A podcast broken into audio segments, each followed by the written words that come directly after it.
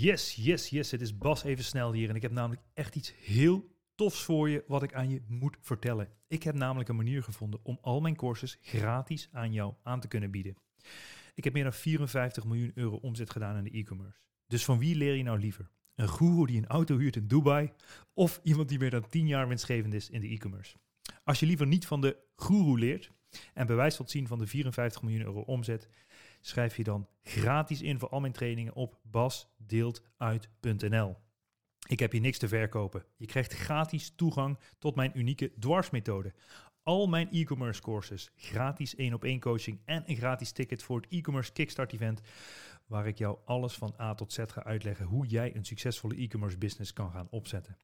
Alles is letterlijk gratis. Er zitten er hier geen addertjes onder het gras. Dit wordt namelijk mogelijk gemaakt door een subsidie die jij ook geheel gratis en kosteloos kan aanvragen. Je hoeft zelf niks voor te schieten en normaal kost dit pakket 2000 euro. Schrijf je snel in op basdeeltuit.nl om gratis toegang te krijgen tot dit hele spektakel. Ik zeg veel plezier met het luisteren van deze podcast en tot snel. Ciao, ciao. Wow, dames en heren, vandaag in de Ondernemen op Slippers podcast, the one and only Wilco de Cry. Ik zeg altijd Wilco de Cry in het Engels, want zo uh, zegt hij noemt hij zichzelf altijd in zijn video's. Maar uh, deze jongen is begonnen met het verkopen van Matrix zonnebrillen. Daarna ging hij vol de AdSense in. Uh, en toen hij dat had opgeblazen, ging hij de affiliate marketing in. Daar was hij iets beter in. Daarna is hij vol op reis gegaan. heeft hij een WordPress, WordPress plugin ontwikkeld en verkocht in de Verenigde Staten uiteraard. Daarna ging hij door met SaaS-oplossingen. En zoals je hier ook ziet, uh, voor mensen die op YouTube kijken, het UpViral logo, dat is een van zijn bedrijven. We gaan hem eens flink aan de tand voelen.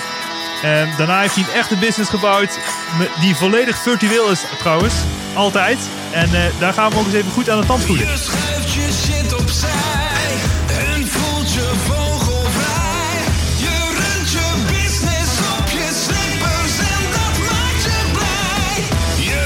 Zekerheid.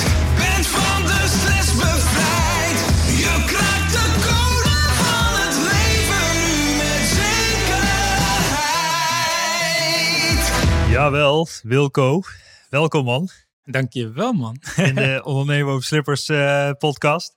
Ja. Zeker. Je hebt die slippers aan? Absoluut. Lekker man. Ja, welkom. Uh, ja joh, ik heb natuurlijk net even een korte introductie gedaan. Maar uh, ja, vertel even anders zelf kort even, wie is Wilco de Krij? Wie is Wilco de Cry, zoals jij me altijd noemt? Wilco de Cry. um, ja, als ik mezelf omschrijf, dan komt het uiteindelijk op een heel simpel ding neer. En dat is, ik ben een marketing nerd. Ik vind het echt gewoon super tof om te kijken, wat beweegt mensen om wat te doen. En uh, eigenlijk al van jongs af aan, vanaf mijn 16 aan het ondernemen. En nou, je zegt, vat het even kort samen. Ik ben momenteel, als ik even hard denk, volgens mij 33. Uh, dus vanaf 16 tot 33 heel veel verschillende dingen gedaan. En uh, ooit begonnen met fysieke producten. En daarna eigenlijk meer naar digitale producten gegaan. gecombineerd met veel reizen, wat jij zegt. En zodoende dus een digitale team opgezet all over the world. En nu met name bezig met verschillende softwareoplossingen, zoals je het. Ook weer binnen het marketingvakgebied. Dus eigenlijk echt van alles. En ja, lekker aan het uh, online spelen, zoals ik het zelf was. Ja, tof man. Hey, want in deze tijd is natuurlijk virtueel werk helemaal de bom. Maar jij bent daar echt super vroeg mee begonnen, toch? Ja, ik heb nooit anders gedaan. Ik nee. heb nog nooit een, mensen hier in Nederland aangenomen. Never, ooit. Ja. Mooi. Ja. nou, daar gaan we dadelijk even wat langer over hebben, over die virtual teams en hoe je dat doet er allemaal. Uh, ik stel altijd eigenlijk één vraag uh, in het begin. Uh, en dat is natuurlijk een redelijk intense vraag, want wat zou je doen als je nog drie maanden te leven hebt? Ha, hele goede vraag. Nou, ik heb toevallig net een paar weken terug een uh, heel mooi prachtig uh, dochtertje gekregen. Dus ik zal waarschijnlijk drie maanden lang heel veel knuffelen. Ehm, en ik zou zeker weer even lekker op reis gaan en weggaan. Maar dat is nu met corona misschien lastig. Maar dan als je nog drie maanden te, te, leven hebt, dan moet je niet echt naar de regels luisteren misschien. Of in ieder geval iets minder. Um, dus ik zou heel veel knuffelen met mijn dochter en vooral lekker op reis gaan. En uh, qua werk waarschijnlijk gewoon wel hetzelfde doen. Gewoon, ik vind het echt super tof wat we aan het doen zijn, wat ik aan het doen ben. En uh, um, ja, gewoon genieten van het leven. Ja, ja vet man. toch genieten man. Maar, maar, slaap je nog een beetje nu met, die, met die kleine? Of, ja, best wel goed eigenlijk. Ik heb de eerste twee weken volledig vrijgenomen, zeg maar. Gewoon even alles offline en gewoon telefoon uit en gewoon genieten. Dus dan was ik er overal volle bak bij. En um, nu ben ik alweer aan het werk en dan uh, doet mijn vrouw uh, de, de, de, de night shift, om het maar zo te zeggen. Ja. Dus dat scheelt heel veel. En uh, ze slaapt verder goed. En ja, en weet je, je bent vrij. Dus als ik ochtends denk van, goh, weet je, ik, ik wil wel echt scherp zijn. Dat was een ding waar ik wel druk om maakte. Ik denk, ja, je hebt straks een kleintje, moet je slaapt minder. Maar meeste van mijn werk is denkwerk. Hè. Je moet, ik wil high performance zijn in, in mijn hoofd. En ehm, dan is het soms gewoon lekkerder om zorgen te denken, weet je wat, ik pak er gewoon even een uurtje extra bij. Dan ben ik, heb ik dan meer aan, dan ben ik in ieder geval scherp vandaag, dan dat je oh ja, gewoon een volle, volle acht uur werk pakt, maar eigenlijk uh, te slaaptekort hebt. Dus soms dan, uh, ja, ja. draai ik mezelf nog even een keertje om. maar je zegt zelfs, je wil high performance zijn in je hoofd. Wat doe je allemaal om high performance te kunnen zijn in je hoofd dan? Um, ja, nou, zo allereerst in ieder geval heel bewust bezig zijn wat je wel en niet doet. Er zijn heel veel dingen die je zelf kan doen, maar als een ander het ook kan, dan is het eigenlijk al genoeg reden om het niet zelf te doen op een bepaald moment. Uiteraard, hè, welke fase in je business bent. Dus dat, daar is denk ik eerste stap mee. Um, uh, iedereen heeft, uh, had het over de morning routine en allemaal allerlei uh, dingen. Daar ben ik zelf misschien iets minder van. Wat ik wel um, consequent doe, is bijvoorbeeld opschrijven waar ik dankbaar voor ben in de ochtend. Gewoon even, gewoon even weer scherp zijn op, goh, wat, ja, wat heb je en wat wil je vandaag bereiken? Wat, wat zou vandaag een topdag maken, om het maar zo te zeggen? En um, goed voorbereid zijn dat ik van tevoren al weet wat ik die dag ga doen. En dan s ochtends zoveel mogelijk alle high performance echt denkwerk doen, waar je nog heel scherp ben. En dan kan ik smiddags, uh, als ik wat calls moet maken of wat, ja, toch wat simpeler werk of wat dan ook, of wat minder focus, dan uh, doe ik dat uh, ja. in de middag. Ja. En wat heb je vanochtend opgeschreven? Ik ben vanmorgen bezig. We zijn met een nieuwe funnel bezig. En ik wil. Uh, vroeger deden we daar maandenlang over om alles te maken, het hele product en alles. En nu uh, willen we hem eigenlijk eind van de week live hebben. Dus dat wordt nog even knallen. Maar ik heb dus eigenlijk alle content ervoor uh, uit bedacht en geschreven en een mindmap. En dan kan ik hem morgen in één ruk op de plek waar we nu staan in de studio alle, alle video's eruit knallen. Dus ook dat weer, ook onderdeel ervan, is dingen in batches doen. Dus in plaats van dat ik denk, ah, dan die video, dan die video, ga ik nu alles in één keer voorbereiden. En dan schiet ik morgen 30 video's in één stuk. Ik druk één keer op de record, dan heb ik gewoon alle video's in één keer. En, en ook dat soort dingen, gewoon door dingen in batches te doen. Ja. Uh, net zoals met content. Ik doe vaak een middagje content. En heb ik misschien dan heb ik anderhalf maand ben ik niet meer met content bezig, omdat alles in één keer is, uh, is opgenomen. Ja, ja, ja, ja, vet man. Maar je zei zelf, je bent dus begonnen met een, een fysieke producten. Laten we nog een stapje teruggaan. Wat de, de, kleine Wilco, zeg maar. Je, je groeide ergens op op een boerderij, geloof ik. Uh, vertel even Klopt, ja, van de kleine Wilco tot, uh, tot je eerste business ongeveer. Ja, leuk man. Ja. ik, ik, woon, ik kom inderdaad van een boerderij. Dus mijn ouders waren in die zin ondernemend. Um, en ook wel ouderwetser misschien. En ik weet nog op een gegeven moment dat ik... Uh, toen was de, de film The Matrix was super populair. Waar elke, elk karakter heeft zijn eigen zonnebril. En Neo had het en, en Morpheus en wat dan allemaal nog meer. Ik dacht, wauw, die wil ik ook hebben. En die waren in Nederland nergens te koop. En op dat moment was eh, online kopen was nog een beetje als je iets online koopt. Mijn ouders geloofden dat echt. Als je iets online koopt, dan krijg je een virus op je computer. Zeg maar automatisch gelinkt aan elkaar. Dat, dat was niet, weet je, je had nog, dat was niet een ding om online kopen toen. Dus nee, er waren in Nederland niet te koop. Ik ben toch gaan zoeken. En uh, toen had ik een bedrijf gevonden uiteindelijk in Amerika die die dingen wel verkocht. Maar ja, vet hoge verzendkosten en al dat soort dingen. Dus ik dacht, hoe ga ik dat dus aanpakken? Toen had ik ergens een advertentie geplaatst. Dat noemden ze toen inkoopacties. En dan kon je zeg maar één inkoopactie doen. En dan uh, plaats ik die advertentie. Dat was stap 1. En dan stap 2. Mensen konden die bij mij kopen en ook aan mij betalen. Hè? En dan na een maand of twee, dan stopte ik die actie. En dan had ik dus x aantal dingen verkocht. En die ging ik dan in één keer in Amerika kopen. En dat was dan ook weer, duurde ook weer één of twee maanden verzend, verzendtijd. Omdat het allemaal zo goedkoop mogelijk moest. En dan kon ik die brillen kwamen bij mij aan. Ik kon het er weer doorsturen. En ik had gehoopt, ik koop er een aantal. En uh, er waren brilletjes van een paar euro stuk. Vijf, vier, vijf euro stuk. Niet veel. Ik verkoop er een aantal en heb ik zelf misschien mijn, mijn zonnebrillen gratis. En toen, uh, ik had niet tegen mijn ouders verteld. En dat ging eigenlijk opeens een rete hard. Waardoor we toen voor 17.000 euro een zonnebrillen had ik toen verkocht. En toen moest ik het aan mijn ouders gaan vertellen. Van pa, ma, mensen hebben mij, wildvreemde mensen, hebben mij 17.000 euro overgemaakt om allemaal zonnebrillen te kopen. En die moet ik nu in Amerika gaan inkopen. En mijn ouders dachten, ja, maar dan krijg je toch gewoon een doos met een stenen thuis. Ja, misschien, maar ik heb dat geld nu al. Ik moet er iets mee doen. En toen moest je dat nog cash moest dat gaan betalen. Ze gingen mijn ouders, zij en zij gingen mee. Moest je naar Western, uh, Western Union oh, ja, volgens mij. Ja. Moest je nog cash moest je dat meenemen. En die 17.000 was deels voor de verzendkosten. Dus voor mij was er 11 of 12.000 moest ik dan over gaan maken. En dat was natuurlijk een heel ding. Mijn ouders die zeiden, ja, we stonden, ja, stond er echt niet achter. Maar ook wel ondernemen. Dus we gaan het gewoon proberen. En uh, nou, zo gezegd, zo gedaan. Ik heb geen stenen binnengekregen. Ik heb echt brillen binnen. Dus dat was echt goud. En uh, nou, je bent 16, dus ik had gedacht, wauw, ik voelde me helemaal het mannetje. En uh, super tof. En vriendjes die mee brillen gingen inpakken en dat soort dingen. En ik dacht, ik had er een leuke cent aan overgehouden.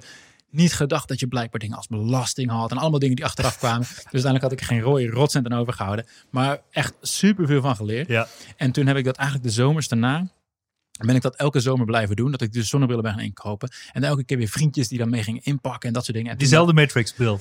Zelfde matrix en ook andere brillen. En Ja. daarna ben ik ook andere projecten gaan doen. Ik heb eh, verstuurbare, bestuurbare helikoptertjes en vliegtuigen heb ik gedaan. Ik Ja, heb eh, oordopjes, dat je voor muziek, high-end oordopjes van een paar honderd euro stuk heb ik toen gedaan. Allemaal dingen waar ik dacht een beetje marge op te zit, te- zat, wat in Nederland niet zo goed te koop was. En ehm, eh, dat heb ik dus de jaren erop gedaan. Dus dit als zomerproject, om dan eigenlijk, ja, daar kon ik dan het rest van het jaar weer een beetje op opteren, zeg maar. En, eh, maar ja, uiteindelijk krijg je ook zoveel ja, dingen van, ja, ik had eigenlijk die blauwe verwacht en niet die rode bril. En, of ja, mijn pootje staat scheef. En allemaal Hmm. eigenlijk dat soort geneuzel, zoals ik het noem. En ik kwam erachter dat ik het hele online verkoop eigenlijk gewoon super tof vind. Maar al, al die pakketjes echt gewoon, dat was, daar was ik niet voor gemaakt. Laat Ja. het dan, laat het dan zo zeggen. Maar je was, je was 16 toen je die eerste actie deed met die was Ja. Eigenlijk, eigenlijk was, welk jaartal is dit? Eh, dat is dus eh, Ik kon- 17 Ik kom- jaar geleden? Ja, ja, ik kom uit 86, dus Ja. eh, is dat 2002 dan? Ja, zoiets, ja. Dus eigenlijk was het een beetje voorloper van de dagdeal-sites. eh, als Ja, zeker. ja, die Dus bestond er nog niet. Ja, nee, die bestonden nog niet. Want je deed het dagdeal, eigenlijk deed je deal en een paar, een paar weken later, een paar maanden later leefde je dingen uit. Ja, ja. En wat ik nog bizar vond, dat weet ik, dat weet ik nog wel, dat de mensen, ik woon in the middle of nowhere, op een boerderij, dat er sommige mensen die wilden dan zo graag die bril, dat vonden ze leuk om met die actie mee te doen. En dan kwamen ze hem lopend ophalen. Maar het dichtstbijzijnde station, toen kwamen ze met het station kwamen ze naar ons toe. Het dichtstbijzijnde station was 20 minuten fietsen voor mij. Ja. En zij kwamen lopend van dat station, kwamen ze naar huis om een bril op te halen van 4, 5 euro. En dan gingen ze weer weg. Echt, maar, het is, maar dat laat zien wat mensen het toch leuk vinden om met zo'n actie mee te doen. Het is gewoon door zo'n zo'n knaapje van 16 jaar. Ja. En dat gebruikte ik toen al. Van ja, ik ben 16. Op dat Ja. moment had ik geen idee dat dat zou werken. Maar blijkbaar had dat een soort van effect dat mensen dachten, ah, wat leuk. Weet je zo'n knaapje van 16. Ja. die laten we eens even gaan eh, supporten. Zeg maar. Ja, ja, vet man. Maar 16, wa- wa- toen zat je nog op school of wat deed je? Ja, ja, ik zat er gewoon op de middelbare school. Zeker, ja. Ja. Dus, eh, dat, en daarom deed ik het ook in de zomervakanties. Want verder was ik eigenlijk eh, Oh, zo ja. veel eh, bij mijn vader aan het helpen op de boerderij uiteraard. Ja. Dus daar, daar heb ik het harde werken geleerd, om het maar zo te zeggen. En wat, wat deed je voor werk daar dan? ja, wat er maar moest gebeuren. Een beetje ja, poep scheppen? en zo? ja, ook. Het maakt allemaal niet uit. Want het was een, koeienboerderij? Of Ja, koeien, melkvee. Dus alles wat er maar moest gebeuren. Van, van kuilen, hooien tot aan inderdaad de, de koeienmelken of wat dan ook. Zeg maar, wat ik mee kan helpen. En ik weet nog goed, dat is misschien nog wel een van de beste lessen die, we, die ik heb gehad van mijn opa. Ehm, je gaat misschien denken, nou dat is een beetje gek. Maar goed, eh, we kregen dan op een gegeven moment kregen we alle neefjes en nichtjes en ook ik kregen dan 50 cent per uur of zo. Dat je dan, hè, het- we waren nog jonger. En dan had je, moest je dat in je boekje bijhouden. En dan mijn opa, dan ging je eind van de maand ging je naar je opa toe en dan ging je dat afrekenen. En, als je, en die was hij dan zo dat als je dan bijvoorbeeld voor 12 euro had verdiend, zeg maar, Mhm. dan ronde je het af naar 10 euro. Hè? Want dat was afronden. Dus, eh, en, en als kind denk je van, zo dan heb ik zo mijn best gedaan. Dan ben je voor wat aan het sparen, voor snoep of weet ik veel waar je dan aan spaart. Dat is nog, eh, nog, nog weet ik veel, als 12 of weet ik veel oud. En dan wordt het naar beneden afgerond. Maar dat is uiteindelijk wel een heel goede les geweest. Je moet gewoon werken voor je centen. En eh, ja, dat neem je dan verder mee. Ja, Ro- Robert Kiyosaki van Rich Dad Poor Dad, die zegt volgens mij alleen werknemers werken voor geld. Ondernemers die, die doen gewoon iets wat ze leuk vinden en daar verdienen ze geld mee. Of in ieder geval. Ja. Dus als je gewend bent om je uren te ruilen voor geld, zeg maar, ja, dat is natuurlijk nooit heel erg schaalbaar. Eh, dus dat is wel grappig. Maar het Ja. is mooi dat hij dat naar beneden afrolt, want eigenlijk was je steeds teleurgesteld. Dus. Ja, ja. En, en dan deed mijn moeder nog wel eens naar hier, dan die 2 euro dan. Of, deed hij het ook naar boven afgerond? Als het 17 was, Nee, maakte nee, hij er nee, 20 van. nee, nee, nee, nee, Altijd nee. naar beneden. Ja. Mooi. ja. Ja. Ja, dus eh, je had eh, je Matrix zonnebrilletjes en dat soort dingen, zeg maar. En eh, vanaf daar ben je wel gaan studeren op een gegeven moment? Of, Ja, ik heb toen eigenlijk de studie. Ik ben toen eigenlijk op een gegeven moment ga je dan rondkijken waar ga je dan studeren, hè, wat ga je dan doen. En ik ben al bij die open dagen zo ging ik dan kijken. En dan was mijn eerste vraag was welke studie kan ik doen met zo min mogelijk input, dat ik er zo min mogelijk hoef te zijn en dat ik eigenlijk gewoon mijn online dingetjes. En toen was ik inmiddels al wat meer online aan het doen, dat ik dat eigenlijk kan blijven doen. Maar ik wilde eigenlijk ook gewoon de studie doen als een vangnet, een sociaal vangnet. Dat is mocht het, mocht allemaal toch niet lukken zoals ik het in mijn hoofd heb. En ook gewoon eh, gezelligheid en sociaal met eh, ja, het studentenleven erbij. Dus eh, toen ben ik bedrijfskunde gaan doen, wat zoals sommigen wel zeggen, dat is een cursus. En ja, nou, dat klopt eigenlijk wel. maar dat was voor mij echt wel ideaal, dat je dat gewoon, ik ben iemand die dan, ik ben op een gegeven moment, weet ik nog één jaar, heb ik gewoon, heb ik gewoon een challenge voor mezelf gezet. Ik ga niet meer naar college en ik doe enkel de, ex- de tentamens, eh, behalve de verplichte dingen. En eh, dan, nou, wel, niet, niet op elk vak was dat gelukt. Dan moest je soms eens een keertje bijspijkeren. Nou, ja, het, zei, het is dan zo. Maar verder had ik gewoon steeds een gat, gat van drie maanden waar ik gewoon alles kon doen. En dan had ik gewoon een, eh, een aantal weken waar ik gewoon eh, niks anders deed dan studie, zeg maar. En dan ja, voor mij ook dat weer in batches werken. Wauw, ja. Ja. Ja. dus het, het, het systematisch werken zat er toen al in. Dus. Ja, ja, alles draait om efficiëntie. mij. Mijn team klaagt ook vaak van, we willen wat meer tijd met je. Nee, dat is niet nodig. Efficiëntie. ja, ja, Ja. kan niet. Ja. Vet man. Eh, maar, ehm, eh, en toen heb je die opleiding heb je afgemaakt, bedrijfskunde. Ja, heb ik En, en waar heb je dat? eh, in Rotterdam, ja. Rotterdam. Ja. Was dat leuk om te wonen daar? Ik heb er niet gewoond eigenlijk. Oh. Nee, ik ben er uiteindelijk niet gewoond. Nee, ik, vind, eh, ik heb daarvoor heb ik een, een halfjaartje van Amsterdam iets gedaan, een studie, een filmacademie. Toen dacht ik nog dat van mijn hobby mijn, wer- mijn werk te maken. Gelukkig niet doorgezet. Dus heb ik wel een jaartje in Amsterdam gewoond. Dat was vet leuk, maar Rotterdam, ehm nou wordt vind ik, voor de mensen die er wonen, maar ik heb er niet zoveel mee. Oké, nee. Nee, eh, ja, nou goed. Eh, sommige mensen hebben er eens mee, sommige niet. Eh, Zo werkt het Ja, zo werkt dat. Maar goed, toen, toen heb je die, die, die studie afgemaakt. En, en tijdens die studie nog, nog meer bedrijfjes, dingen ging ondernemen. Ja, Of ja. was het elk jaar zonnebrillen en het werd steeds spannender? Of, eigenlijk al, ik denk al voor mijn studie ben ik al gestopt met de zonnebrillen. Ik had die zonnebrillen en dan was ik zo zat van al die fysieke dingen. Dat ik op een gegeven moment toen ben ik eigenlijk online gaan kijken van goh, hoe kun je nou eigenlijk zonder al die fysieke producten toch online wat centen verdienen. Dan ga je zoeken op dingen als online geld verdienen. En dan, ga je dan, eh, ja, zo werkt het dan als eh, jong, nog steeds aardig jong knapie. Ik was misschien 18, 19, 20, weet ik veel. Ja. En ehm, toen kwam ik in aanraking met de Google AdSense. Dat is dus dat je dus advertenties op je website kan plaatsen. En dan eh, als iemand dan op jouw advertentie klikt, dan krijg je daar geld voor. En dan kwam ik achter dat als je een bepaalde categorie had, bijvoorbeeld bepaalde luxe matrassen en zo, dan kreeg je gewoon meer dan een dollar per klik. Dus dat is natuurlijk best eh kasi. Dus ik dacht, hey, daar ga ik meer werk van maken. Dus toen ben ik daar. ehm, en toen, ja, je bent nog jong, je bent, eh, je bent een beetje aan, het, eh, aan het pionieren. En dan, en dan neem je het soms niet altijd even nauw met alle regeltjes. Dus toen ben ik eh, vooral op de Black Hat SEO gaan inzetten. Dus ben ik allemaal sites gaan maken. Eigenlijk in één dag kon ik één druk op de knop, kon ik 200 sites maken. Met elke site meer dan duizend pagina's unieke content. dan, dan weet je al dat het niet helemaal kosher is natuurlijk. En dat stond dan vol met advertenties. Ehm, en, ehm, en zodoende kreeg ik dus naar traffic van Google. En mensen klikten op de advertentie en daar, ehm, en daar, dan, eh daar kreeg je dan omzet uit. En daarnaast is ook nog wel een grappig verhaal. Wat ik ook deed is domeinnamen eh, registreren met typfouten van bijvoorbeeld marktplaats.nl. En dan als ze daar, mensen daar intypten op hun browser, maken ze een typfout per ongeluk. Dan zien ze advertenties, daar klikken ze op en ja, Kasi, Wilco krijgt weer patiënten. Kasi? Kasi, ja. Dat zeg je als kassahuis. Ja, en daar bijvoorbeeld kan. wat, waar komt dat woord vandaan? dan? Ik geen idee eigenlijk. Geen idee. Waarschijnlijk misschien nog, misschien nog wel toch die boerenachtergrond. Is weer Ja, kaching, kaching is dat dus. Ja, Kasi is gewoon, ja, het is klaar, het is, dat werkt. ja ching. Ja, zoiets. Maar had En- jij die ook eh, eh, thuis bezorgd met een... Nee, die had ik niet. Maar ik, heb, Oh, ik had wel ik van, dat- ik weet nog een andere, ik zal het bedrijfsnaam maar niet noemen, maar ik, eh, ik weet nog wel op een gegeven moment, ik heb nog steeds, ik heb op een gegeven moment een, eh, een pakketje gekregen met eh 550 pagina's aan juridische shit. Oh En toen ben ik dus voor het gerecht gedaagd en weet ik het wat. Echt, ik heb het, ja, ik heb het in een doos bewaard. Ik vond het achteraf te prachtig. Maar op dat moment natuurlijk iets minder. Dus toen had ik eh, al het geld wat ik eigenlijk had verdiend met die eh, zonnebrillen. En wat ik in eerste instantie online werk. Alles wat ik toen nog gespaard. Ik had best wel voor die leeftijd leuke spaargeld. Eh, en dat heb ik toen in alle, allemaal in één keer door kunnen schuiven om die rechtszaak af te kopen. Dus ook dat was weer eigenlijk een super goede les. Doe niet wat niet 100% kosher is. En blijf altijd eh above board, om het zo maar te zeggen. Ja, ja, ja. ja. Nou, ik zeg altijd, in, het, in de grijze zone is het meeste geld verdienen. Dus het moet zeg maar net wel kloppen. En dan Ja. eh, het schuift, ja. hoe noem je dat? Scherp aan de wind. maar goed, toen had je dus eh, duizenden sites eh, gecreëerd. eh, affiliate, of hoe noem je het? AdSense geld opgezet. En, en, en op een gegeven moment ging dat fout? Of, Ja, dat was echt kansloos. Dus toen was- kwam Google met een update en toen was je site stond ergens op een paar honderdduizend. Ja, nog niet eens dat. Voor me nog erger. Ze hadden, op, op één dag was, hadden ze en mijn Google AdSense account geblokkeerd. En alle pagina's niet eens naar beneden gegooid, maar gewoon verwijderd. Gewoon, gewoon dag op nacht, e- één nacht. En het ging en daarvoor echt vet goed. Zeker voor die leeftijd. Maar zeker ja, iedereen er zou er echt dik van kunnen leven. Ging echt Wat, wat, wat, wat eh, noemen ze dat getal? Volgens mij de- deed ik daar toen mee eh, zo'n zeg maar, zo'n zo'n kleine 2000 dollar per dag. Per dag? Ja.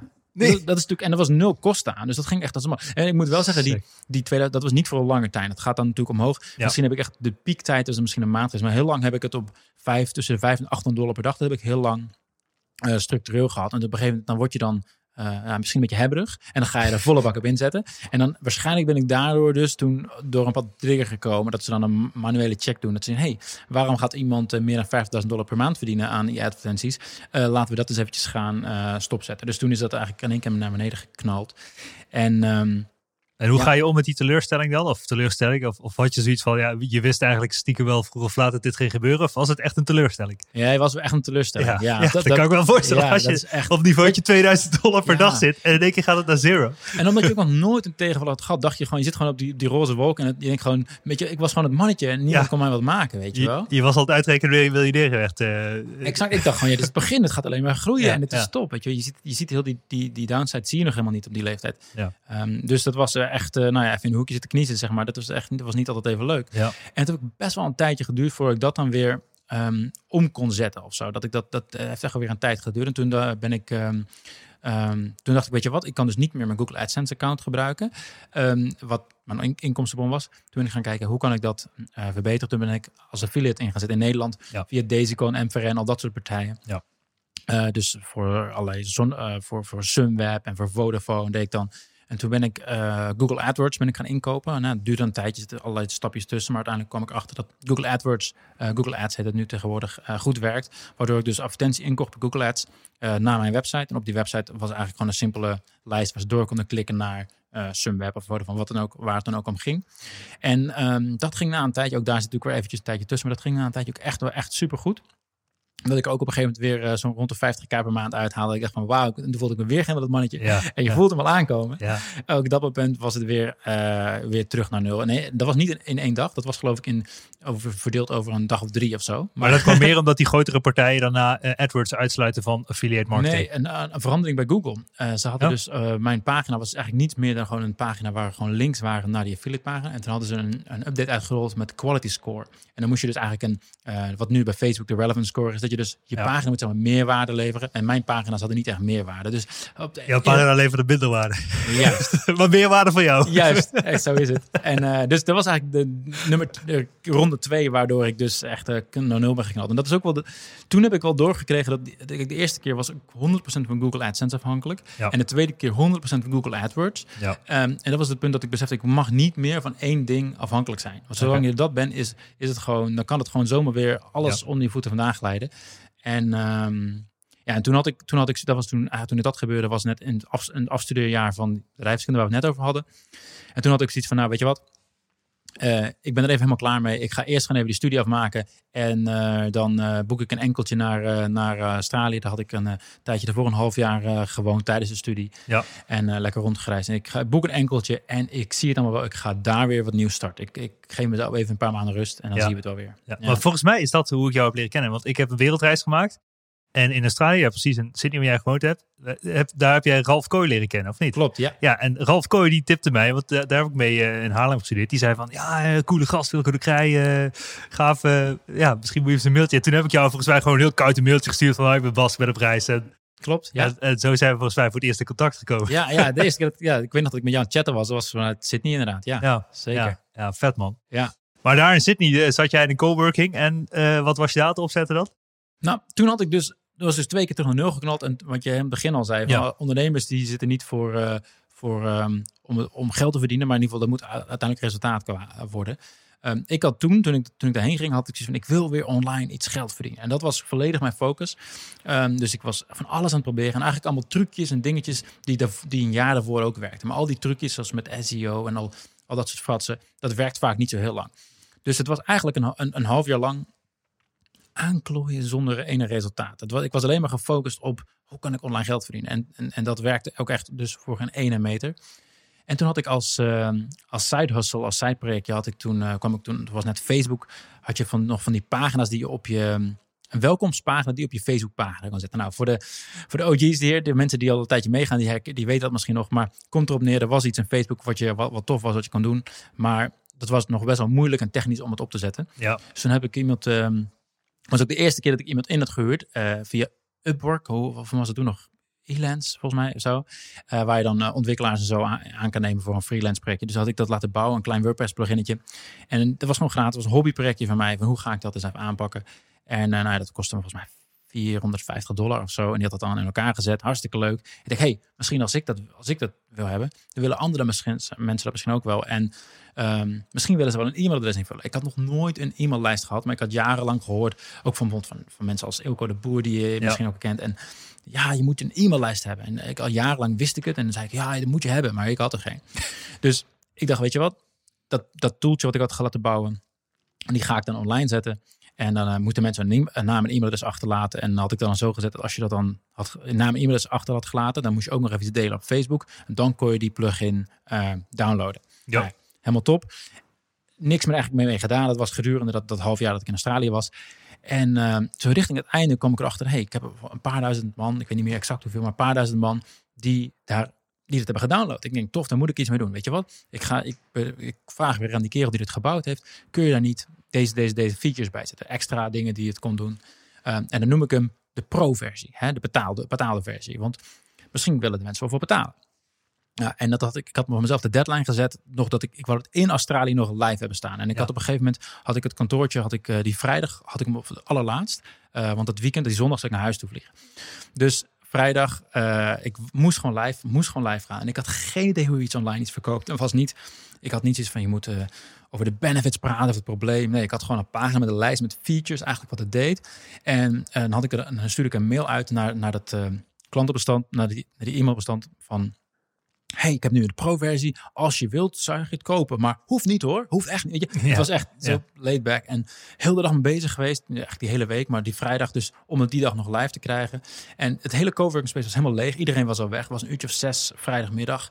En um, die avond had ik al gepland om met vrienden een afscheidsfeest te geven. Omdat ik dus nou, wegging uit Australië. En um, een uurtje zes, half, zeven was eindelijk die mail klaar. En ik druk op verzenden. En ik had haast, want ik moest snel weg. Dus ik druk verzenden. En ik ga snel mijn tafeltje opruimen. Alle spulletjes weer netjes doen. Want ik was de laatste dag dat ik er was. En even het keukentje even, alles even schoonmaken. En ik loop terug naar mijn laptop. En ik zie, kijk zo, ik zie zo in, in het scherm zo van die pop-ups komen van de new order, new order. Allemaal mailtjes dat mensen dat al gekocht hadden. Echt binnen al zoveel minuten. Ik dacht, wat is dit nou? Weet je, dat is dus na een half jaar lang gewoon niets lukte. Alles wat ik probeerde gewoon, gewoon, gewoon... drie maal piep. Ja, gewoon niks lukte. En mensen kochten dat gewoon.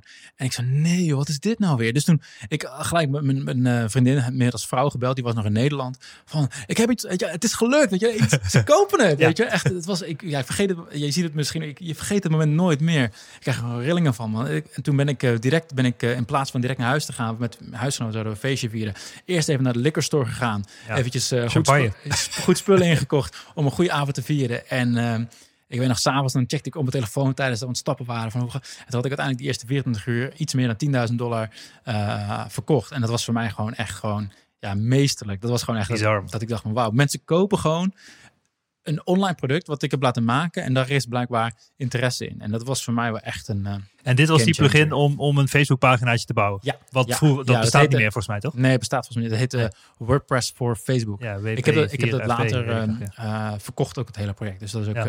Dus dat was, uh, dat was er, tijdens een andere reis. Dan weet je nog ergens uit, uit een internetcafeetje van, vanuit Thailand. moest ik dan alles afmaken. Toen heb ik nog uh, tegen die eigenaar gezegd van, mag ik alsjeblieft s'nachts blijven werken? Dan had ik de sleutel van de tent. Ben ik heel de nacht daar blijven werken, want er was geen internet in het hostel waar we sliepen.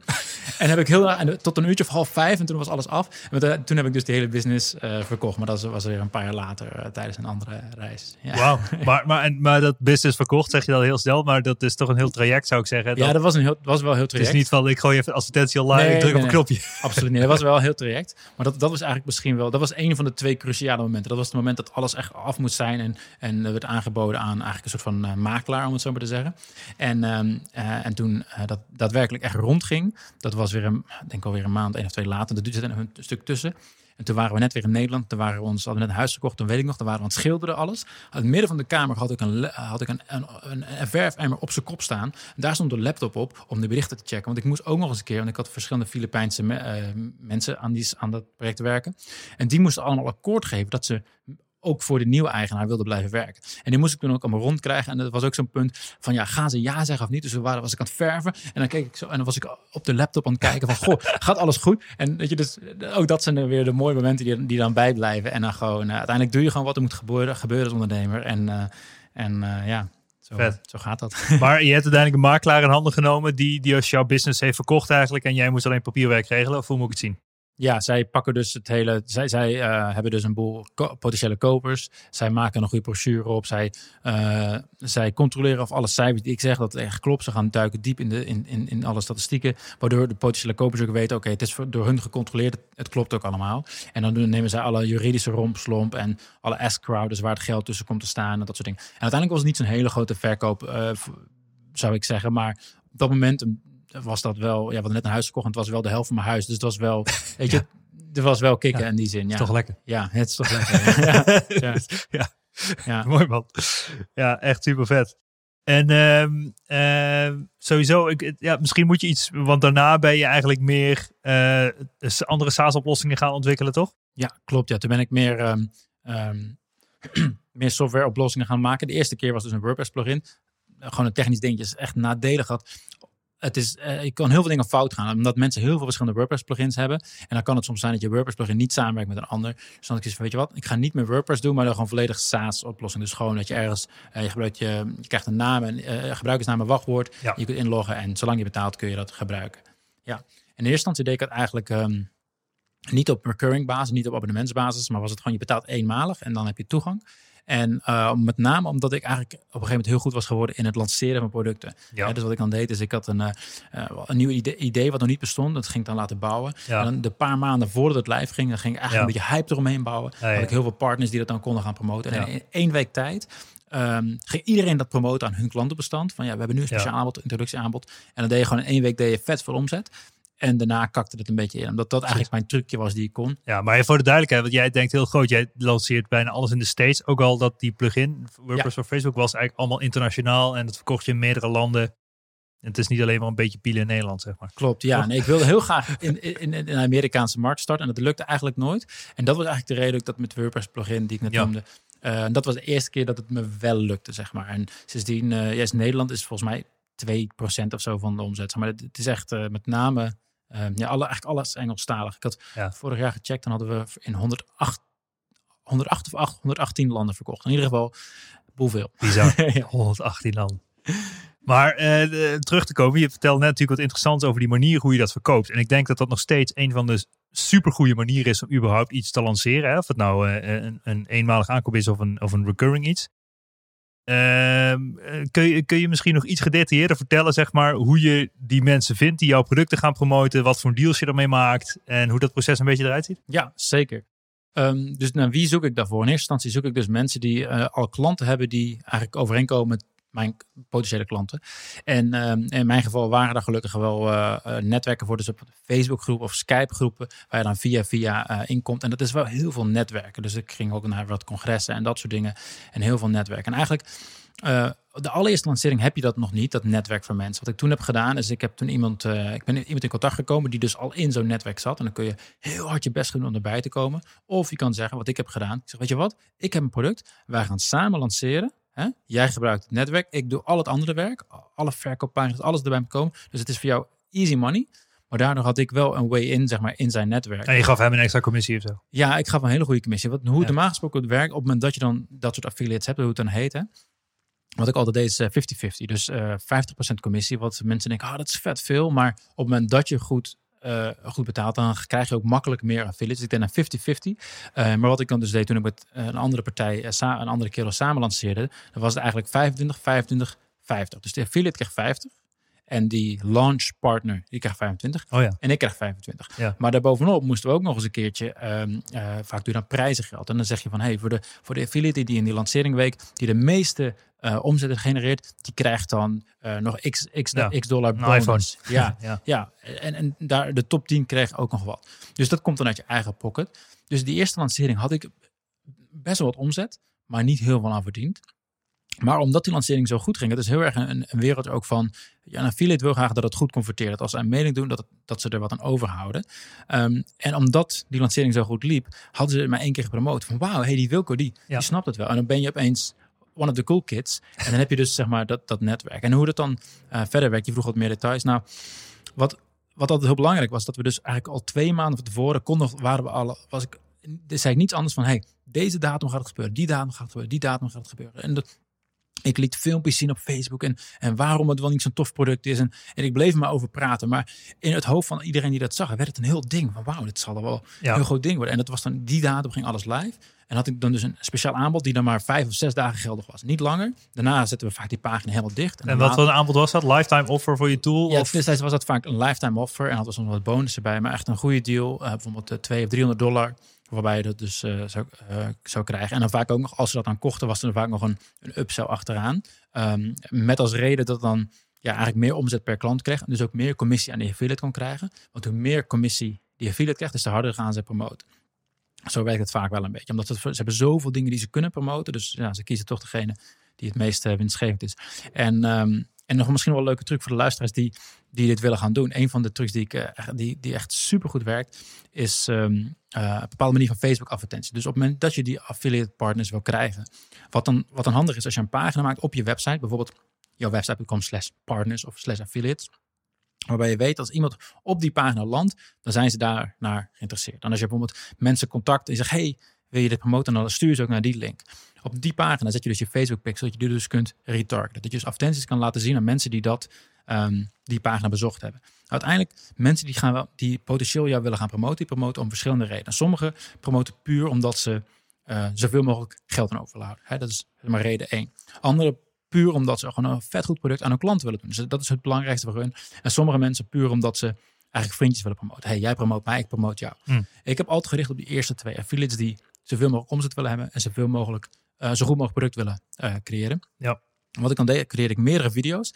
Eerste video was waar ik laat zien hoe geweldig het product al niet is. Demonstraties en hoe goed het wel niet werkt. En die ru- draaide ik dan als advertentie als mensen op die pagina geweest waren. Dus die mensen waren er geweest. Vervolgens krijgen ze die video te zien. Op het moment dat mensen die video gezien hebben, kun je die kijkers ook weer een retargeting Ja, ja, aan juist, maken. juist. Dus als ze dat gezien hadden, kregen ze de volgende video te zien. Dat ging overal om dat ik ze overtuigde waarom het zo goed ging converteren. hey, mijn vorige lancering converteerde zo en zo goed. We hebben het al getest. Gemiddeld, weet ik veel, 10% van de mensen koopt het. En zo, weet je. Dus Ja, dat ze wauw, dat gaat vet goed converteren. En dan had ik gewoon een derde video waar ik ze aan herinnerde. Als ze die twee films hadden gezien. hey, op die en die dag gaat het live. Het wordt de grootste lancering ever. We hebben een goede bonuswedstrijd. Als je zeg maar de nummer één omzet bent, eh, dan krijg je die bonus. Nummer twee krijgt dit.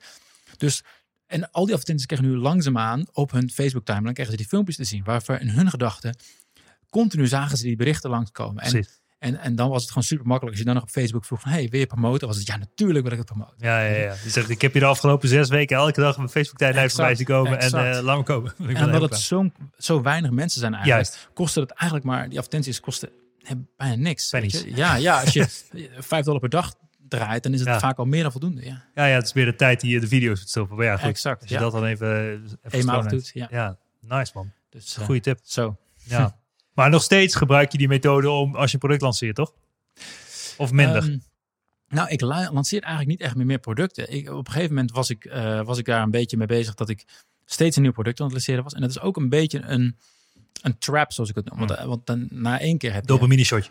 Ja, Ja. ja. heb je één product, dan heb je er twee, dan heb je er drie. En je moet ze allemaal bijhouden. En toen heb ik op een gegeven moment in 2015, meen ik, toen had ik ehm, zowel op Viral als eh, Connect Leads gelanceerd.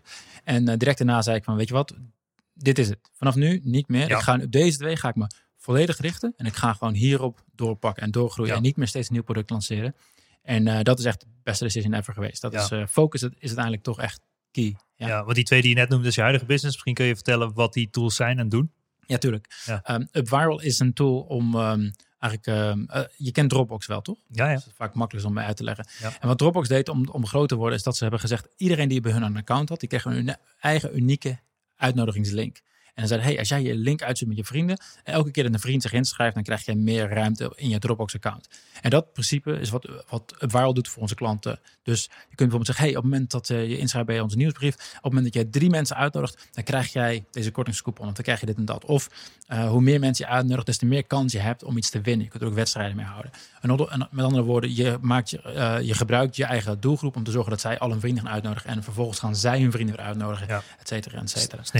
Sneeuwbal. Sneeuwbaleffect, exact. Ja. En ehm, dus dat werkt echt eh mega goed. Dat is ook waar ik zelf een groot deel van mijn e-maillijst mee op heb gebouwd door het Wild te gebruiken. Dus dat, ja, dat is echt wel echt super kicken.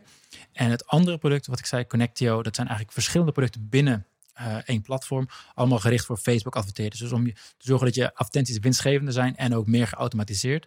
Ehm, bijvoorbeeld, ehm, ja, noem eens een voorbeeld. Je kunt eh, automatisch zorgen als je je beste organische post. Jij plaatst deze video misschien op Facebook. Je kunt af en toe zeggen, hey, ik boost deze advertentie of ik boost deze. Je kunt bijvoorbeeld het volledig automatiseren waar er gewoon een algoritme checkt. Hey, welke post is eigenlijk het beste? Welke krijgt het meeste engagement, het meeste likes? Daar gaan we wat dollars achter zetten om te adverteren. En als dat niet zo is, dan doen we dat niet. En dan hoef je is gewoon hands-off. Het is een voorbeeld. Dan zijn er verschillende tools om, eh, ja, om je Facebook advertenties meer te, te optimaliseren eigenlijk. Vet. Ja. Vet. Dus eh, Ja, dat is natuurlijk tof. Want we, ja, nogmaals, die tools die verkoop je dus in, wat zijn net 108 landen of zo, of 118, whatever. Ja, Eh, het is gewoon bizar dat dat zo'n schaal heeft, zeg maar, toch? Ja, dat is, eh, dat, ja, daar heb ik mezelf ook wel eens over verbaasd. Ja. Maar uiteindelijk zijn er echt, wat is het? miljoenen adverteerders op Facebook om, al aan, om, om dat al aan te geven. Als je bijvoorbeeld kijkt, Shopify, je, je kent, als je kijkt hoe groot Shopify is, en soms verbaast me dat gewoon. Dat hoeveel mensen er wel niet Ja. zijn die een online business hebben of aan het starten zijn. Ja. Weet je, dat is, Huge. is gigantisch Ja, schaalbaar. ja. Maar als we het over ondernemen op slippers hebben, dan ben jij natuurlijk ook wel een klassiek voorbeeldje. Ik bedoel, je hebt een virtual team altijd gehad, dus vanaf je businesses. En je staat hier op je slippers. En ja, we staan hier eh, op jouw landgoed in een studiootje. Eh, dus het is wel het klassieke voorbeeld van ondernemen op slippers. Hoe je zelf optimaal vrij bent en gewoon een virtual team het grootste deel van het werk laten doen. En eh, ja, toch ben je de architect van je eigen business eigenlijk meer. En werk je aan je business en niet in je business. Dat denk ik dan. Ja, nee, klopt eh, zeker. Dat is uiteraard ook een eh, lange weg geweest. Want je weet zelf, je, begint altijd, je werkt altijd in eerste instantie in je business. Je Ja. komt, komt er niet aan. Je hebt alle hoeden eh, op je hoofd zitten eigenlijk. En ik weet nog, de, de allereerste keer moet ik eerlijk zeggen, de allereerste keer dat ik iemand aangenomen heb, of aangenomen dat je zo'n freelancer dan inhuurt, hè, wat ik net bijvoorbeeld al zei, was het eigenlijk gewoon puur een, een knakenkwestie, een kostenkwestie. Hè. Je, je, wil, je wil iets dan zo voor zo min mogelijk toch laten bouwen of laten, laten maken. En dan kwam je logischerwijs uit bij landen waar het salaris lager is dan in Nederland. En dat was de allereerste, allereerste reden. Maar heel snel kwam ik erachter dat ik het zo fijn vond om. Dat was ook het moment dat ik meer ging reizen. Dat ik gewoon mijn koffer kon pakken en kon gaan. Dat ik als ik maar een laptop bij me had, dat het niet uitmaakte. En dat was heel snel was het mij duidelijk. Ik wil, ik wil geen kantoor in Nederland. Ik wil geen mensen hier in Nederland. En ik hou best wel van gewoon. Ja, die rust ook gewoon. Ik hoef, ik hoef niet al die mensen continu omheen. Ik vind het wel prima. Dus uh, zodoende ben ik dat toen op gaan bouwen. En uh, ja, in eerste instantie doe je natuurlijk dingen die je zelf niet kan. Ik kan niet programmeren, ik kan niet, heel veel dingen kan ik niet. En langzaamaan ga ik dingen doen die je wel kan, maar ja, die je misschien beter niet kan doen, zeg maar. Ja, maar ik vind het wel echt bijzonder, want je hebt er heel snel gekeken van hoe, wie jij bent en wat echt bij jou past. En daar ben je meteen aan gaan leven, zeg maar. En heel veel mensen die blijven heel lang doen wat niet helemaal bij hen past en uh, raken in een burn-out of vinden het niet leuk en moeten vaak zich aanpassen of, of ja, leven het leven van een ander, zeg maar. Jij bent gewoon gekeken wie is Wilco, wat past goed bij me en dat ben je gaan doen. Ja, nou ja, klopt. Maar Ondanks de ride natuurlijk. Ja, ja ik het zeggen, gaat, niet, dat, gaat niet over één dag reis. Ik zeg het, is altijd, uh, het lijkt als van de buitenkant. Het is natuurlijk ja. altijd uh, de vraag ook, heel simpele vraag, wat wil ik? Dat is soms een vraag die, uh, die stel je heel makkelijk, maar om de antwoord op te geven, duurt soms jaren om daar echt goed antwoord op te geven. Dus ik denk dat het belangrijker is, die ride die je noemt, dat je daar met die ride bezig bent. En uh, ja, als ik jou over drie jaar spreek, dan sta je anders in het leven dan nu. En dat is bij mij ook zo. En, ja. en dat is denk ik de power. Gewoon ja. blijven bezig zijn met jezelf, denk ik. Ja. Hey, en virtual teams. Ik heb zelf natuurlijk ook een transitie gemaakt nu uh, van uh, ja, 30 man op kantoor naar een virtual team. Dus ik kan, ik kan het iedereen aanraden. Ik stap uh, die ride van jou nu, maar dan misschien iets later. maar ehm, misschien is het wel leuk om uit te leggen van hoe, hoe, je, dat, hoe je nou begint met zo'n virtual. Hoeveel, hoeveel mensen heb je nu virtueel over de wereld zitten? Waarschijnlijk weet je de die heet. Oh ja, een mannetje of 35 momenteel. Ja, precies. Ja. En het zijn voornamelijk programmeurs, operationele mensen, video-editors, audio en dat soort, dat soort. Ja, ja, wat je zegt, marketing, uh, klantcontact, klantsport, uh, programmeurs, ja. management, van alles eigenlijk. Ja. Ja, en, ja. en hoe stuur je dat hele, hele handeltje aan? Ik neem aan dat je wat, wat, software, wat software tooltjes hebt die belangrijk zijn in dat. Uh, mijn telefoon. Nee, ja, het is echt. Ja, ja, ja. Nee, ja uh, het, qua software en zo. Ja, ik wil het echt zo simpel mogelijk houden. Zeker omdat je natuurlijk, uh, als je online hebt, dan heb je gewoon een, een nadeel dat je een barrière hebt qua communicatie. Hè? Dus anders dan dat je gewoon met de koffiemachine staat en het er even over hebt. Dus ik heb altijd wel geloofd, je moet het zo simpel mogelijk houden. En ook zo min mogelijk tools en zo min mogelijk bla bla bla en, en, en noise op de lijn, om het zo maar te zeggen. Dus uh, wij gebruiken momenteel heel veel Slack gewoon. Zoom om te bellen. Iedereen moet gewoon een webcam hebben, is heel belangrijk. Um, en Trello, uh, ben je voor mij ook uh, voorstander van. En dat ik heb nu ben overgegaan naar Asana, maar, ja, maar ja, hetzelfde idee. Ik, ja, nee, dat is het dus niet. Hè, dat ben, nee? nee? ja, het is het wel. Maar Trello, juist omdat het zo beperkt is, vind ik, ben ik er heel bewust ah, voor. Ja, mijn team, sommige van mijn team vragen ook, ah, we moeten over naar Asana. Ik zeg, nee, juist die beperkingen en die, die, die simpelheid wil ik erin houden. Want op het moment dat je meer toeters en bellen kan hebben, dan gaat het er ook komen. Ja. En, dan, en, en dan komt er weer een nieuw iemand, een nieuw poppetje bij, bij het bedrijf. En die snapt er dan echt helemaal niets van, omdat het gewoon te complex is. Dus, uh, dus hoewel jij zegt dat is hetzelfde, vind ik, ben ik dus van mening van niet. Ik ja, okay. het bewust heel simpel te houden. Nou, het doel is hetzelfde, is projectmanagement. Het doel maar... is hetzelfde, ja, ja, ja. ja. Trello is voor de domme mensen en Asana is voor de slimme mensen. En ik, uh, nou ja. Hè? Nou, volgens mij heb je huge veel apps voor, voor Trello ook, die, die je allemaal kan gebruiken. Ja, en, ja, en ja. automatiseringen en ja, de automatisering is echt wel heel Knop je zeepje eraan natuurlijk en dan schiet je ja, zo de hele wereld. Butler voor Trello was ik echt ja. zwaar fan van nog voordat iemand het kende. was heel klein nog. En toen uh, twee jaar later is het overgenomen door Trello. Dus nu is het gewoon uh, in je Trello account. Dat werkt top. Maar dat is voor de, voor de nerds onder ons. Precies. maar um, wel grappig, want ik zeg net, die webcam is belangrijk. Ik moet zeggen, tot denk anderhalf jaar geleden had ik nooit een call met mijn team. Alles was chat. Omdat ik gewoon, omdat ik zelf iets heb, ik wil, ik heb helemaal geen zin in al die calls. Ik, ha, ik ben gewoon Ja. geen beller, ja, Ja. zeg maar. Dus Ja. en het is eigenlijk pas nadat iemand anders in het team bijgekomen is die dat wel is. En die ik dan meer verantwoordelijkheid ben gaan geven. En die is nu eh, onze COO. Ehm, dat, die, dat we nu wel allerlei calls hebben. Dat werkt uiteindelijk heel veel beter. Maar dat past er gewoon niet bij mij. Dus dat doen we eigenlijk pas sinds een jaartje of eh, ja, anderhalf of zo. Ja. Eh, gek genoeg, ja. En wat zijn volgens jou echt de grootste voordelen eh, van een virtual team? Grootste voordelen is sowieso eh, het huren van eh, de juiste mensen. Je hebt gewoon een veel grotere selectie. Je kunt gewoon overal, wereldwijd kun gewoon inhuren. Ehm, ik denk dat dat nog wel de allergrootste, het allergrootste voordeel is voor mij op dit moment. Ehm, voor mij persoonlijk het eh, flexibiliteit, de vrijheid van, van ehm, ja, locatie. Dat je gewoon dat, dat het overal is. En ik vind ook die hele. Je, je hebt gewoon echt wel een leuke mix van culturen. Wat ook gewoon een voordeel is, maar misschien marginaal voordeel. Ehm, eh, het is ook echt wel fijn dat er gewoon werk gedaan is terwijl je slaapt, om het zo maar te zeggen. Dat, je, dat de Ja. teams naast elkaar werken ja. soms en dat het gewoon alweer af is. Dat is ook echt wel relaxed. Al hebben we dat eigenlijk zoveel mogelijk teruggebracht, waardoor de meeste mensen nu ongeveer in dezelfde tijdzo- tijdzone werken. Omdat het ook weer voordelen met zich meebrengt. Maar uiteindelijk het grootste voordeel blijft gewoon inderdaad die, die, dat je overal mensen in kan huren. En dat je gewoon, eh, en uiteraard ook voor andere salarissen soms dan, ehm, dan hier in Nederland uiteraard. Ja. Ja, ja goed. Ik bedoel, ik ben natuurlijk ook over een virtual team. Maar wat ik wel zie, de impact die je maakt in die landen is wel veel groter dan dat je iemand in Nederland zeg maar aanneemt voor eh 3000 euro en die ga je 3500 betalen zeg maar. Terwijl iemand in de Filipijnen een gemiddeld salaris 350 euro is, geef je die eens 1000 per maand zeg maar.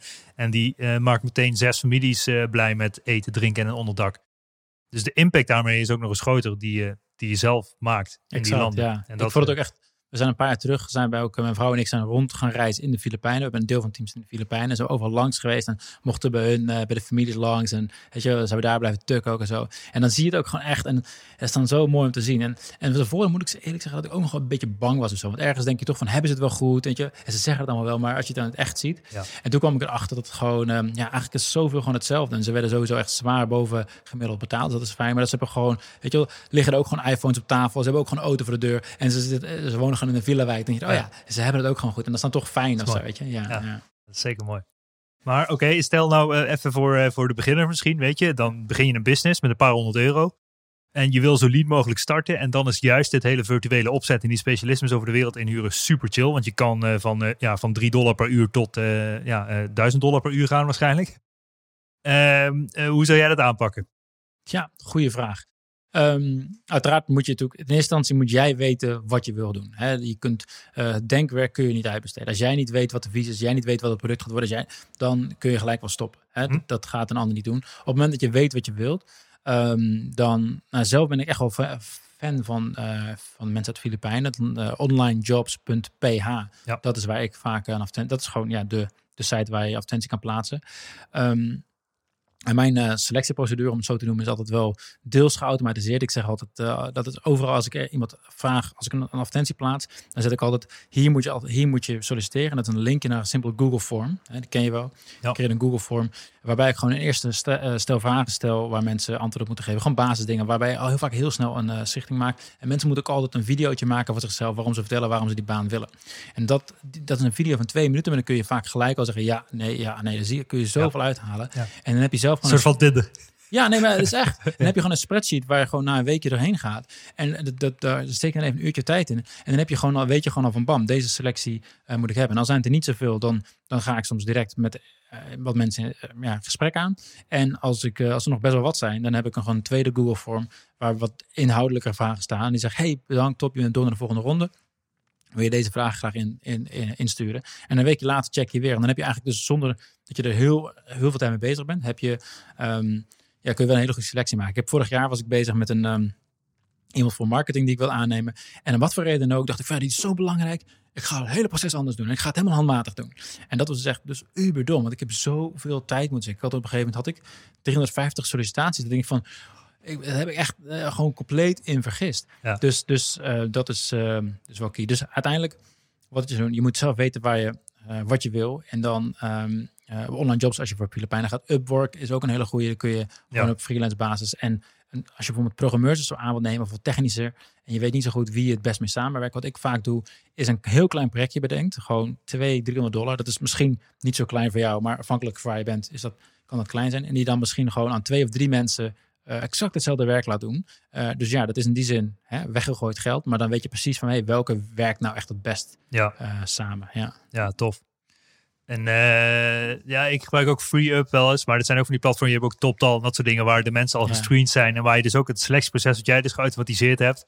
Eigenlijk al voor jou gedaan is. Want ze laten maar 1% zeggen ze van de mensen toe. Exact, maar dat is gelijk hartstikke duur. En ik, ik, ja. ik heb dus ja, duurder, duurder. Duurder, ja. ja. duurder. Ik heb precies van, nou, ik heb liever uh, mijn eigen proces. En ik, ik ben altijd wel bezig van hoe kan ik zo efficiënt mogelijk omgaan met alle resources. Hè? Dus ook met mensen. Ik heb liever dat iemand, uh, dat ik die selectie zelf heb gemaakt, maar dan wel soms de ruwe diamanten eruit haal. Uh, dan dat ik gewoon naar een, nou, een partij ga die gewoon alles ook klaar heeft staan, maar ja. dan de partij er ook meer voor. En vaak zijn die uurkosten, die blijven wel lange termijn doorlopen. Zeker. Ja. Want qua verloning, hoe, hoe heb je dat ingesteld? Ja, verschilt. We hebben dus uh, bijvoorbeeld uh, in India we, werken we samen met een agency die gewoon, um, die hebben daar gewoon verschillende programmeurs in dienst. Een mannetje of ik, 25 en hebben wij er 8 of 9 van of zo. Dus dan is dat eigenlijk gewoon een maandelijkse factuur. Uh, zijn van tussen de Filipijnen en Nederland is er bijvoorbeeld een verdrag dat je dus niet met die sociale lasten, de Nederlandse sociale lasten te maken hebt, maar dat je dus daar, dus het, dat, het scheelt eigenlijk ook per land en per persoon. Soms gaat het via Upwork, dat is natuurlijk ook weer, dan, dan verlonen zij een soort van. Uh, binnen Europa is het natuurlijk sowieso weer anders. Dan heb je gewoon te maken met, uh, ja, zoals dat in Nederland gaat. Um, zoals het in Europa gaat. Dus het eigenlijk verschilt het een beetje per persoon. En dat is dan ook gelijk alweer het nadeel. Hè? Dus soms dan uh, wil je iemand aannemen. Pas had ik iemand aangenomen in Thailand. En dan moet je dan toch weer iemand opzetten om dat uit te gaan zoeken hoe het allemaal Al zit. een procesje opzetten. Exact. Dus dat is, dat is dan weer het nadeel soms. Want hoe, hoe zit het met belastingen en, en een bepaald ding als loonheffing of zo? Stel jij iemand in de Filipijnen zegt, hey, ik wil 10 dollar per uur verdienen. En jij zegt, prima, ik maak je 10 dollar per uur over. Of that's it. De, voor de rest is, is houdt het daarmee op? Of uh, ja, de, je had het over wij, verdrag net. Ja, wij, wij hebben het dus uh, niet zo... Je kunt ook mensen echt in dienst nemen natuurlijk. Dat hebben wij niet. Wij werken dus uh, op een soort eigenlijk min of meer freelance basis. En het mag, bepaalde landen mag dat. In Nederland mag je natuurlijk niet zo iemand freelance en dan fulltime laten werken. Dat kan natuurlijk niet. Nee. maar sommige landen mag dat wel. En dan ligt die verantwoordelijkheid ligt dan bij... ehm, Juist, ja. En zij moeten dat gewoon aangeven bij hun belasting aangeven. Ja, ja, ja. ja. Ja, ja, precies. Ja, want het, anders wordt het redelijk complex verhaal. Als jij over de hele wereld alle loonheffingen exact, moet ja. gaan betalen. Ja, en sommigen zijn bijvoorbeeld, die zijn al, zijn al wat ondernemender geweest. En die hebben bijvoorbeeld uh, van meerdere klanten op gewerkt. En die hebben gewoon een, uh, een, een BV'tje in hun eigen land uh, opgezet, zeg maar. En dan heb je gewoon facturatie van, van hun. Dan zit er gewoon een soort van hun BTW op en al dat soort. Dus, ja. je, dus het verschilt echt op case tot case, zeg ja, maar. Ja, ja, ja, ja. ja, tof man. Oké man, uh, ja, vette shit. Oh ja, uh, even uh, 1, 2 misschien top case studies van UpViral. Stel, ik wil een viral campagne opzetten voor mijn business. Hè, dus ik wil zoveel mogelijk leads vergaren. Uh, welke, welke campagne gooi ik dan de lucht in? Goeie vraag. Er zijn, veel opties hoor. Ik vind, uh, ik begin even bij eentje nog. ik zei net al een keer met een, met dat we soms productlanceringen doen. voor het product live zijn we al aan het hype. En dan ga ik een voorbeeldje schetsen. Hadden op een gegeven moment hadden we gingen we Connect Leads lanceren. En iets wat er in de markt nog wel eens gedaan wordt, is dat dan voordat een product live is, worden bepaalde video's gelanceerd. Er wordt er een video, uh, in een week tijd wordt een video gelanceerd en dan twee dagen later weer een video. En dat, dat bouwt dan die hype op. En ik dacht, hé, hey, dat is tof, dat ga ik ook doen. Maar in plaats daarvan uh, ga ik iets extra doen. Dus mensen, dat was nog voor het product live was, mensen vullen naam en e-mailadres in om die video's te krijgen. En ik kreeg dus dag één kregen ze een video van, hey, we gaan wat leren over Facebook ads. En dan daaronder hadden ze hun eigen unieke invite link. En dan zei ik, hey, maar ik heb nog een vierde video waar ik dus dit en dit leer, uh, wat je nergens anders kan vinden. Als je die wil hebben, wat je die wil hebben, moet je, onder vind je die link, deel die met je vrienden. Als drie mensen zich via jou inschrijven, dan uh, krijg jij die video gratis. Dan krijg je nog wat andere bonussen erbij, helemaal voor niks. Nou, ook als ze dat niet doen. Nee, je deed die video's content rip of zo, die drie, die drie video's. Of Sorry? gewoon die drie video's, waar die eerste drie video's deed je content rippen of die kregen ze in één keer of, die, die, of een die, ad? Die, die, die dripte over een aantal dagen. Ja, dus bijvoorbeeld op maandag kregen ze die eerste video ja. en die konden ze dan, die, voor die vierde konden ze dan delen. Maar ook als ze dat niet deden, prima. Want dag, dag, uh, dan op woensdag kregen ze de video nummer twee en dan gingen we weer wat dieper in en dan zei ik, hé, hey, maar die andere, die vierde video, die is echt epic, die moet je echt hebben. Dus deel dit. Dus ze kregen gedurende die week kregen ze drie keer ook die reminder om dat te doen. En wat echt super tof was, toen ook voor die lancering, was ook uiteindelijk de grootste lancering ever die ik heb gehad, is dat niet alleen dat we zo heel veel extra leads kregen, maar er was ook gewoon een buzz overal. Weet je, mensen gingen dat op Facebook groepen delen, op LinkedIn. Overal werd er over gesproken. En daardoor was er gewoon een hele hype gaande, waardoor we ook nog eens een keer meer affiliate partners kregen. Omdat ze, hey, mijn klanten zijn allemaal over die lanceringen praten. Wat, wat, wat is hier gaande, weet je? Dus um, Eigenlijk, uh, mijn, mijn, punt hiervan is, een hele goede uh, strategie is vaak voordat een product live is, op voordat een boeklancering komt. Wat je heel vaak ziet, is dat gewoon een goede pre-launch campaign. Dus dat je dus mensen... Um, Helemaal warm maakt warm maakt en eigenlijk een hype. Bijvoorbeeld een boeklancering, een, eh, een klant van ons had dat gedaan. Die had gezegd, hey, je kunt uh, inschrijven en dan krijg je, uh, als je naam en e-mailadres invult, krijg je gelijk het eerste hoofdstuk, krijg je al. was nog voor, vlak voor de boeklancering. Ja, ja, ja. En toen had hij dus daar bovenop had hij gezegd, kijk, je hebt nu het eerste, het eerste hoofdstuk gedownload. Op het moment dat je dit nu met al je vrienden deelt, top, dan, dan kon je bij hem iets winnen. Kon je een grote prijs winnen, ja. maar deel dat met je vrienden. Dus heel veel mensen gingen dat delen, delen, delen. En dan uiteindelijk na een week of twee weken of zo was het dan die pre-launch erbij. En had hij dus al die e-mailadressen die, die geïnteresseerd waren in zijn boek. Anders hadden ze dat de e-mail is niet ingevuld voor het eerste hoofdstuk.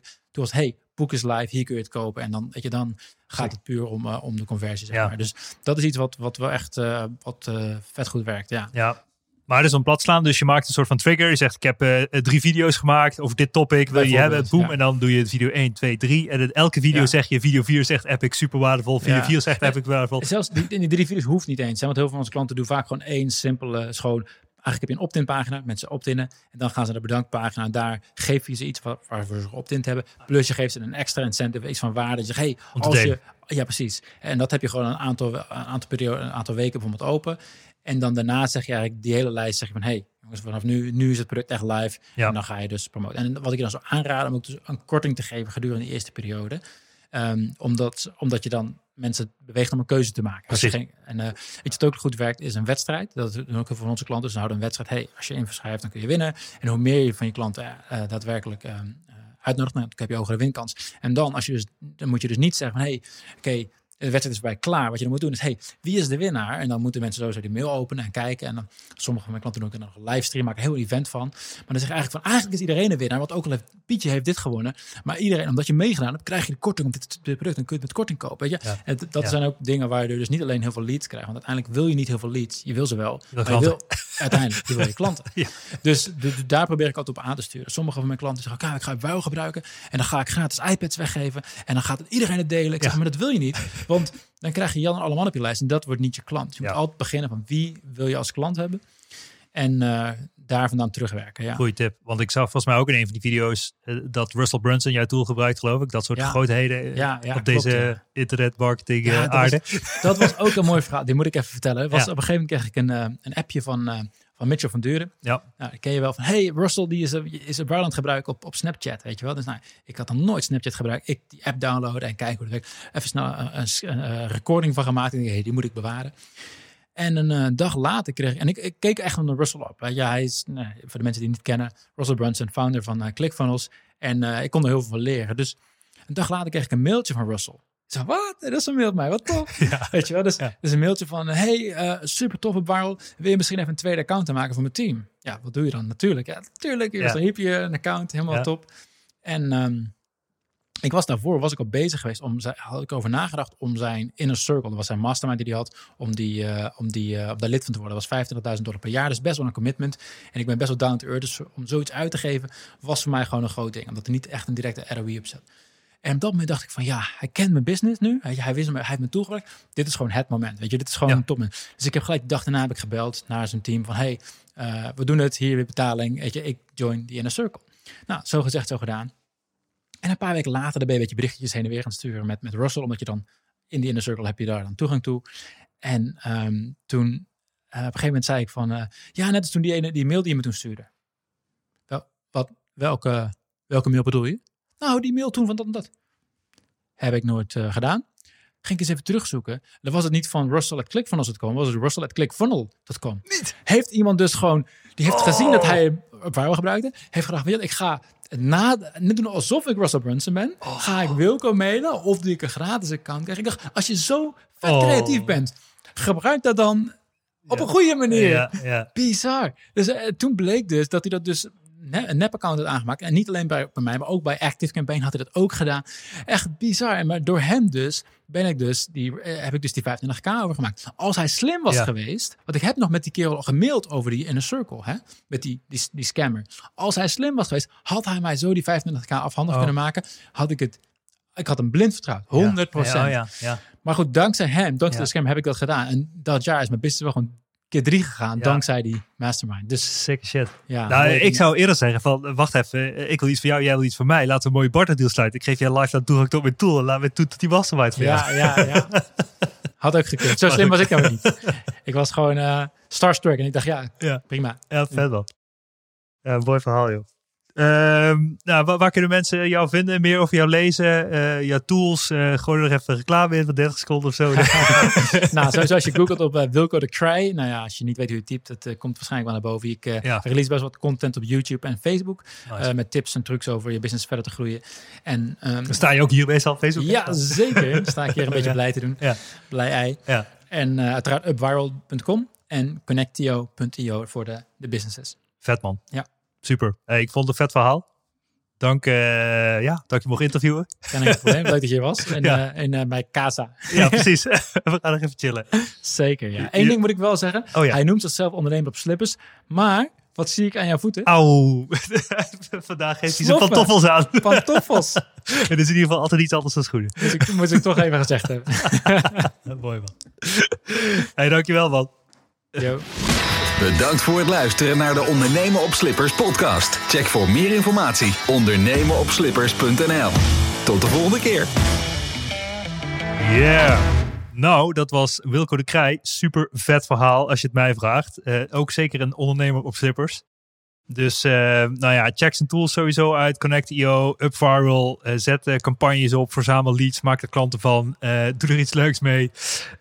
Ik vond het een super vette episode. En ik spreek jullie allemaal later weer. Tot de volgende episode.